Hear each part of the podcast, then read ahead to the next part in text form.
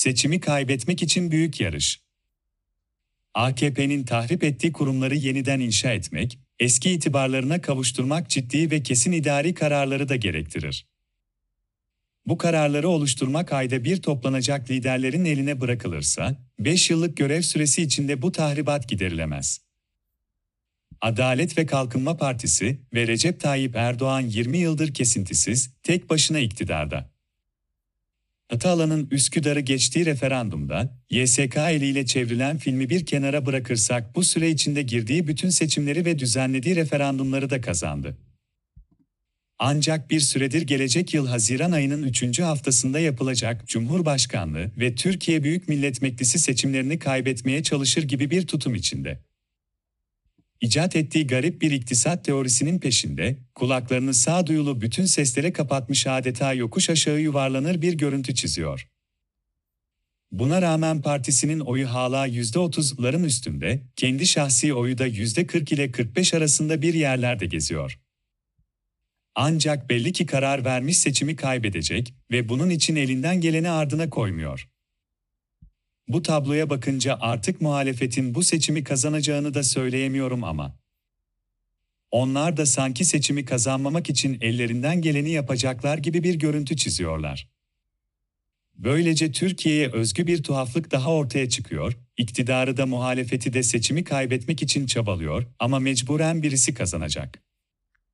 Kendisi kazanmak için bir şey yaptığından değil, rakibi kaybetmek için ona göre daha çok şey yaptığından gerçekleşecek bu sonuç. Bu noktada kişisel görüşümü söyleyeyim, Erdoğan kaybetmek için daha çok şey yapıyor. Yani bu konuda da muhalefetten daha başarılı.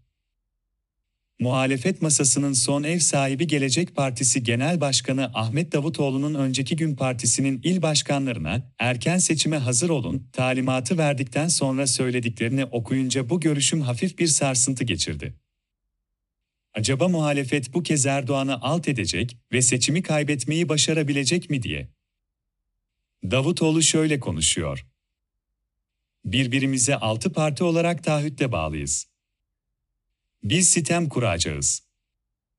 Yeni Cumhurbaşkanı ya altı liderden biri olur ya dışarıdan biri olur. Bu ilkeler üzerinde onun taahhüdünü isteriz ve Cumhurbaşkanı ilkeler üzerinden bir garantör olur.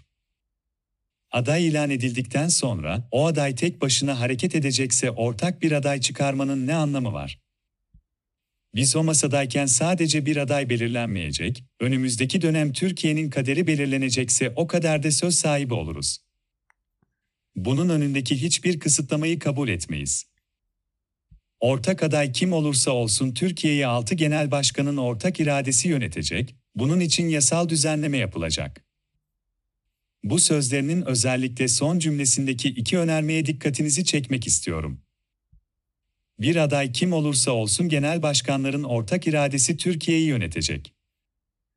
Ki bunun için yasal düzenleme yapılacak. Önce sondan başlayayım. Bu bir anayasa meselesi.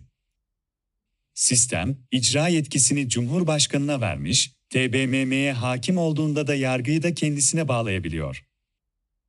Bu durum kanun ile nasıl düzeltilecek gerçekten merak ettim. Aday kim olursa olsun, Türkiye'yi altı partinin genel başkanlarının ortak iradesi yönetecek demek, Türkiye yönetilemeyecek demektir.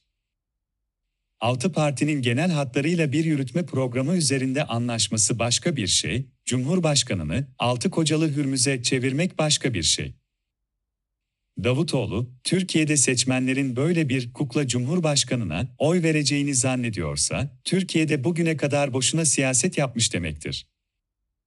Erdoğan gibi güçlü bir karakterin karşısına çıkaracağınız aday, hiçbir şeye kendisi karar veremeyecek bir ezik olacak ise seçim kampanyasına da gerek yok, partilerin kaynaklarını boşa harcamayın derim.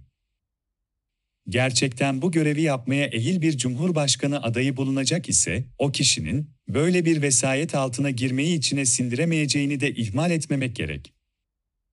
Muhalefetin seçeceği Cumhurbaşkanı, ittifakın genel çerçevesini çizdiği programı günlük olarak yürütürken genel başkanların müdahalesiyle karşılaşacak ise Türkiye yönetilemeyen bir ülke olur. Allah da Recep Tayyip Erdoğan'a ömür verirse 5 yıl yönetilememiş bir ülkeyi 2028 seçiminde tekrar eline geçirir. Belki o güne kadar bile kalmaz, erken seçim ile işi bitirir. Daha önce de yazmıştım, muhalefet, bugün karşı çıktığı Cumhurbaşkanı yetkilerini kullanmadan, Adalet ve Kalkınma Partisi ve Erdoğan'ın kurumlar üzerinde yarattığı tahribatı nasıl düzeltecek? Bu sorunun yanıtını belli ki muhalefet partileri halen kendilerine verebilmiş değiller. Oysa muhalefet TBMM'de çoğunluğu elde edebilir ve anayasada yasama organına verilen yetkileri tam olarak kullanabilirse, muhalefet liderlerinin kendilerini Cumhurbaşkanına vasi tayin etmelerine gerek kalmaz. AKP'nin tahrip ettiği kurumları yeniden inşa etmek, eski itibarlarına kavuşturmak ciddi ve kesin idari kararları da gerektirir. Bu kararları oluşturmak ayda bir toplanacak liderlerin eline bırakılırsa, 5 yıllık görev süresi içinde bu tahribat giderilemez. Müteahhide destek, ek mezam. Toprak Mahsulleri Ofisi, un fabrikalarına ucuz buğday satışını bu ay itibariyle sona erdirdi. Bu uygulama Kasım 2021'den beri devam ediyordu. Bu sübvansiyon sayesinde ekmek fiyatlarının artışı kontrol altında tutulabiliyordu. Sübvansiyonun kesilmesiyle birlikte geçtiğimiz ay çuvalı 260 lira olan un, bu aydan itibaren 400 lira civarında bir fiyatla satılacak. Hükümetin bu kararı neden aldığını kolayca tahmin edebiliriz. Hazine hızla kuruyor. Suyu nelerin çektiği belli. Yap işlet devlet projeleri için verilen fahiş garantiler, kur korumalı mevduat, müteahhitlere destek olmak için enflasyonun altında verilen kredilerden kaynaklanan kamu zararının hazine tarafından kapatılması ve hiç bitecekmiş gibi görünmeyen lüks harcamalar. Böylece hazine kaynakları sınırlı sayıdaki bir grup insan için kullanılınca, ekmeklik una verilecek sübvansiyon için para kalmıyor. Kuru ekmekte karnını doyuranları düşünen kimse yok. Bununla da bitmiyor tabii. Hazinede deniz bittiği için elektrik ve doğal gazda da sübvansiyonları eskisi gibi sürdürebilmek mümkün olmuyor, onun için zam üstüne zam geliyor. Çok şaşırtıcı bir durum sayılmaz.